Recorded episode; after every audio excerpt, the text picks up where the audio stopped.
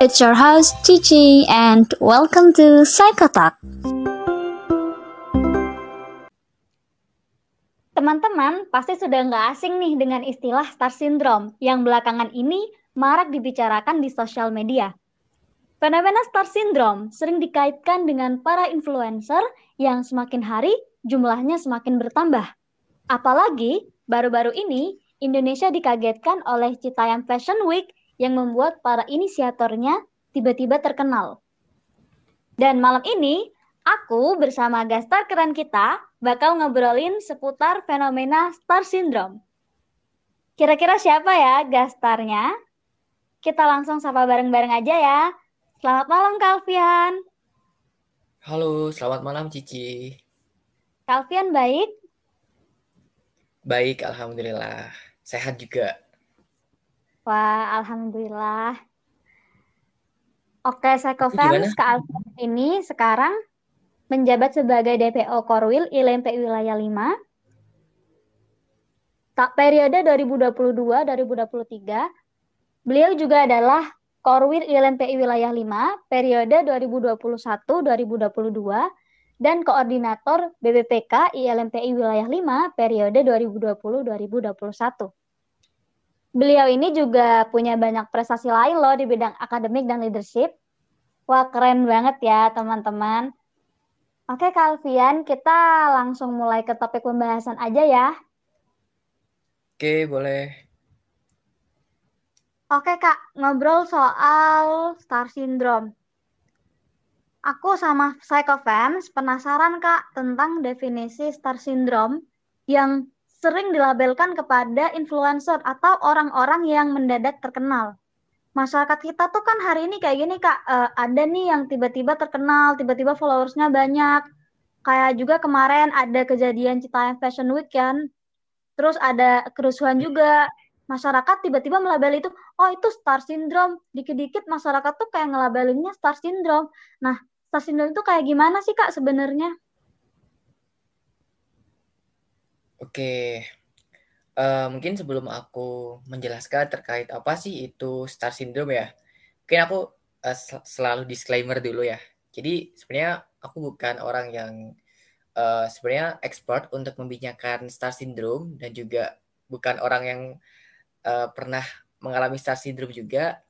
Uh, namun dari referensi yang udah aku baca, sebenarnya star syndrome ini ada beberapa definisi ya, Cici ya. Yang pertama itu mm-hmm. star syndrome uh, yang berkaitan dengan dunia medis. Nah, jadi sebenarnya star syndrome itu adalah uh, salah satu sindrom langka ya, sindrom yang sangat langka yang berkaitan dengan uh, efek dari bagian tubuh ya, penyakit genetik. Jadi star tuh sebenarnya singkatan, S-nya itu syndactyly, T-nya itu telecanthus, A-nya itu anogenital malformation, R-nya itu renal malformation. Nah, itu yang uh, dimaksud dalam bidang medis ya. Nah, tapi mm-hmm. star syndrome yang akan kita bahas di uh, podcast kali ini adalah star syndrome yang yaitu istilah awam ya, yang digambarkan uh, seseorang yang merasa dirinya sudah amat sempurna dan merasa lebih baik dari orang lain. Nah, orang-orang dengan kondisi ini kerap menganggap dirinya itu layaknya bintang nih yang sangat mengagumkan. Uh, bahkan mereka bisa saja menunjukkan sikap yang tidak wajar ya, seperti tadi yang dijelaskan oleh uh, Cici di Citayam Fashion Week, yang dengan setelah mereka mendapatkan followers yang cukup banyak, tiba-tiba ada perubahan perilaku, uh, baik itu dalam hal uh, di dunia nyata maupun di sosial medianya, kurang lebih seperti itu ya Cici ya. Oke, berarti nih star syndrome ini bukan cuma istilah yang dilabelkan ke orang-orang yang mendadak terkenal aja ya Kak. Di ilmu medis juga ada nih star syndrome yang dia merupakan penyakit yang langka gitu ya Kak. Nah, bener banget. Oke, terus um, gimana perspektif psikologi dalam memandang fenomena star syndrome tersebut nih Kak? Dia itu masuk DSM atau enggak? Nah, pertanyaan yang bagus nih Cici. Apakah uh, star syndrome itu termasuk gangguan ya? Uh, apakah itu juga masuk dalam DSM. Nah, mungkin sebelum masuk menjelaskan terkait gangguan, jadi dalam psikologi itu sendiri, baik itu dalam dunia psikolog psikologi ataupun di dunia psikiatri ya, uh, ya, dalam mendiagnosa gangguan itu kita biasanya menggunakan acuan dari DSM. Atau uh, eh, DSM itu adalah uh, Diagnostic Statistic Manual for Mental Disorder. Nah, jadi kalau uh, kita kaitkan lagi nih terkait star syndrome dengan uh, di gangguan kepribadian yang ada di DSM itu uh, ada yang namanya narcissistic personality disorder atau NPD nih, uh, Cici. Oh, berarti kalau star syndrome sendiri tuh nggak tercatat ya kak di DSM istilahnya? Nah, ya benar banget. Star syndrome itu hanya istilah yang diketahui oleh masyarakat luas ya. Hmm, oke oke berarti di DSM istilahnya adalah NPD atau Narcissistic Personality Disorder. Itu nah, dia sama banget. persis atau ada bedanya, Kak? Nah, ini juga kalau kita mengacu kepada DSM-5 ya, bahwasanya uh, untuk menentukan seseorang itu terkena NPD atau Narcissistic Personality Disorder, itu ada beberapa diagnostik kriteria yang harus dipenuhi nih, Cici. Nah, sebelumnya uh, aku ingin jelasin dulu nih, apa sih sebenarnya NPD itu atau Narcissistic Personality Disorder? Nah, NPD itu adalah uh, suatu pattern atau pola seseorang itu ketika mengalami waham kebesaran nih, baik itu dalam fantasi maupun perilakunya. Jadi uh, dia merasa dalam fantasi atau dalam perilakunya itu uh, dia merasa uh, orang menjadi orang yang sangat besar nih. Uh, Cici, grandiosity itu adalah waham kebesaran. Jadi dia dia membutuhkan uh, pengakuan dari orang lain, kemudian uh, dia juga merasa bahwa dirinya itu dilahirkan secara spesial nih. Nah, kriteria-kriteria uh, orang terkena NPD itu yang pertama adalah dia mempunyai waham uh, kebesaran, has a grandiose sense of self importance. Jadi merasa bahwa dirinya itu adalah orang penting. Uh, dia adalah orang yang dilahirkan uh, sempurna. Kemudian yang kedua, uh, dia juga memiliki fantasi bahwa uh, dia itu mempunyai kesuksesan yang tidak terbatas. Dia punya power, dia dilahirkan secara brilian, cantik, mempunyai uh, cantik atau ganteng, kemudian have a ideal love atau cinta yang ideal. Yang kedua, kemudian yang ketiga, uh, dia juga percaya bahwa dia itu dilahirkan spesial dan unik nih, dan dia hanya ber mau uh, berhubungan uh, atau bersosialisasi dengan orang-orang yang punya uh, status sosial yang tinggi gitu Cici. Oh gitu Kak. Ada berapa sih Kak uh, ciri-cirinya? NPD ya. Untuk seseorang yang tengah NPD ya. Uh, kalau kita lihat di DSM itu ada sebenarnya ada sembilan kriteria Cici. Uh, tadi aku udah sebutin tiga kriteria ya. Mm -mm. Oh, nah berarti ada banyak perbedaan ya antara ya. star syndrome sama NPD. Nah, kalau misalnya Kak di sekolah nih ada kan Kakak pasti punya temen yang dia status sosialnya tinggi. Nah, jadi dia nggak mau nih bergaul sama teman-teman yang status sosialnya di bawah dia. Dia tuh termasuk star syndrome atau enggak? Nah, ini juga Cici. Uh, jadi untuk men apa ya mendiagnosa seseorang terkena star syndrome atau tidak, kita harus uh, tahu dulu nih sebenarnya apa sih indikator-indikator atau uh, tanda-tanda gejala seseorang itu terkena star syndrome. Nah, perlu diingat juga nih Cici bahwasanya meskipun beberapa anak mungkin menunjukkan ya uh, gejala star syndrome, tapi mungkin ini hanya sifat bawaan dari usianya saja. Uh, kita juga tahu ya Cici ya bahwasannya di uh, usia remaja kalau kita tarik lagi ke perspektif psikologi perkembangan di usia remaja itu adalah usia uh, ciri-ciri masa remaja adalah uh, masa remaja adalah masa pencarian identitas nih di mana remaja itu pasti ingin tahu nih mencari identitas dirinya ingin menjadi seperti apa. Nah di situlah uh, mungkin itu bawaan sehingga bukan berarti nih meskipun mereka ada gejala yang menunjukkan star syndrome bukan berarti dari gejala itu akan berkembang menjadi star syndrome Gitu Oh, Cici. berarti uh, berarti beberapa gejala yang dialami anak muda yang mungkin mirip-mirip dengan gejala star syndrome itu normal ya Kak dialami ya untuk usia remaja. Nah, bener banget. Oke.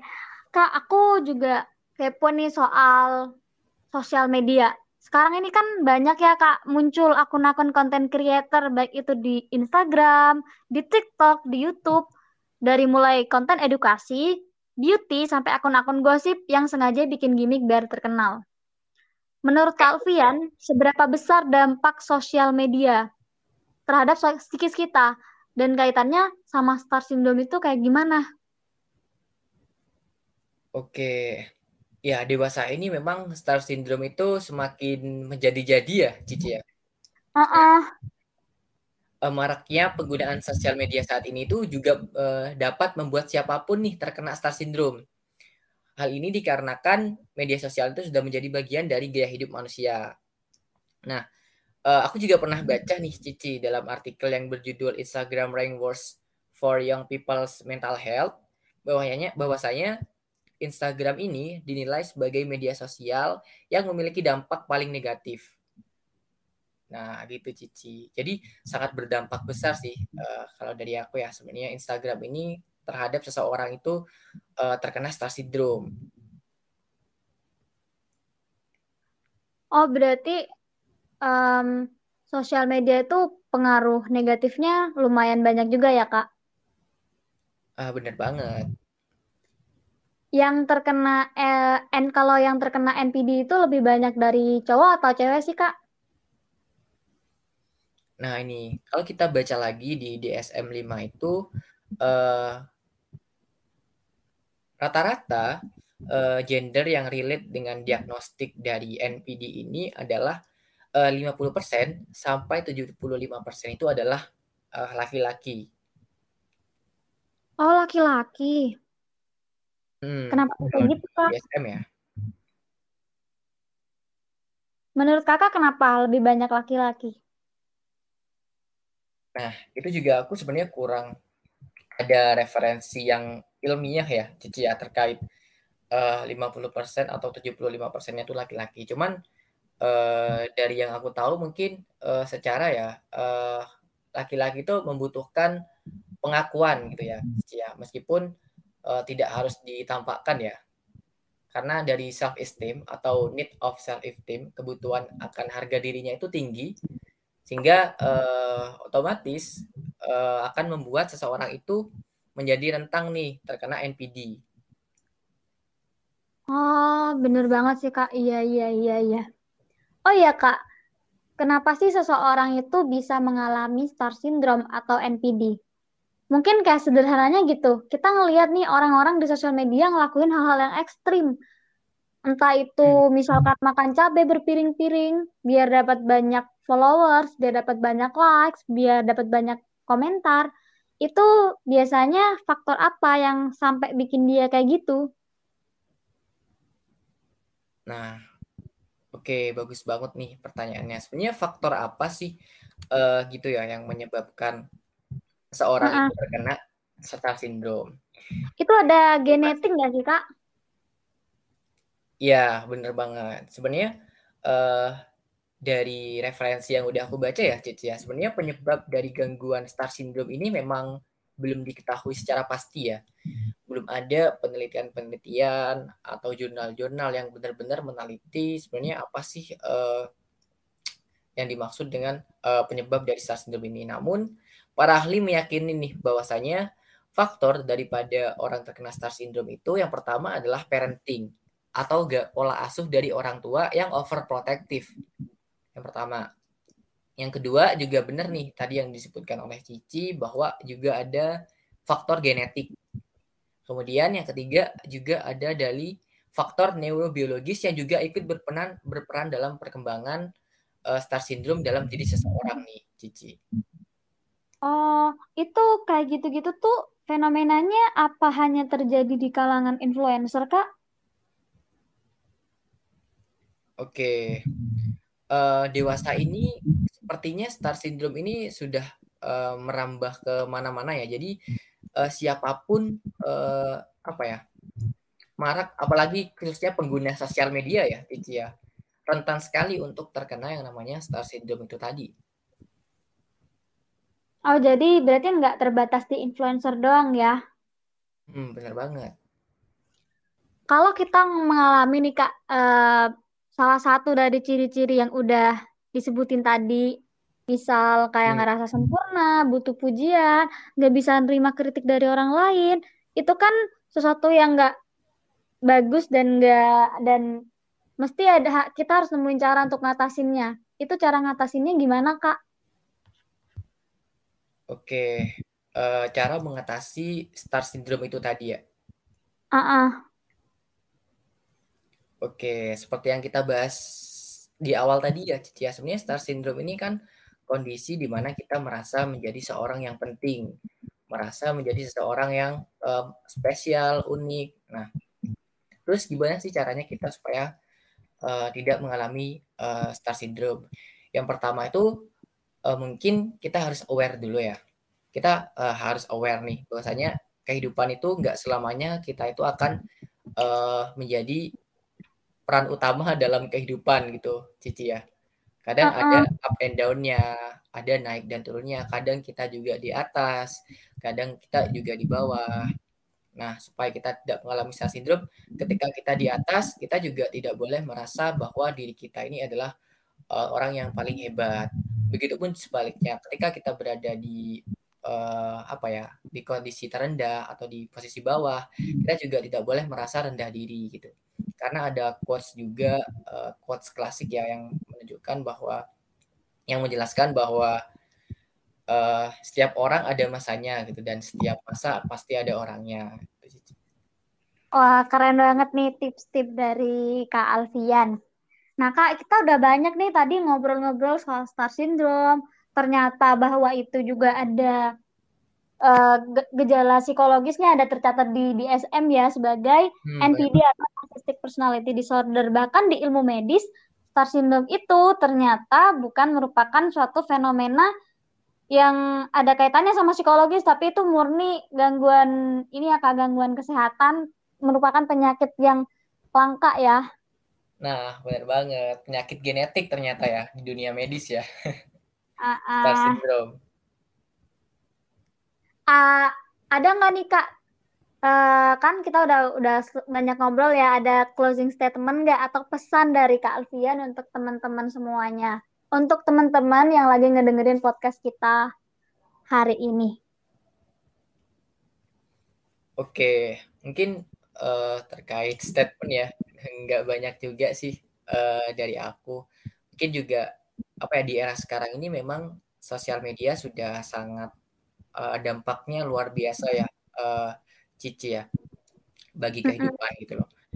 Nah, kalau kita lihat lagi dari sudut pandang psikologis positif, bahwasanya uh, bagaimana uh, diri kita itu uh, mau memandang positif atau negatif itu tergantung dari diri jadi uh, sebisanya kita memandang segala hal, terutama dalam hal sosial media, kita harus mem memandang sosial media itu sebagai sesuatu yang positif, supaya juga nanti hasil yang akan kita dapatkan juga positif. Kurang lebih itu sih Cici. Oke, wah keren banget nih closing statement dari narasumber kita hari ini. Makasih banyak ya Kak udah hadir dan ngobrol-ngobrol seputar Star Syndrome sama aku untuk teman-teman yang lagi di rumah dan yang lagi ngedengerin podcast ini. Oke, Cici, terima kasih kembali.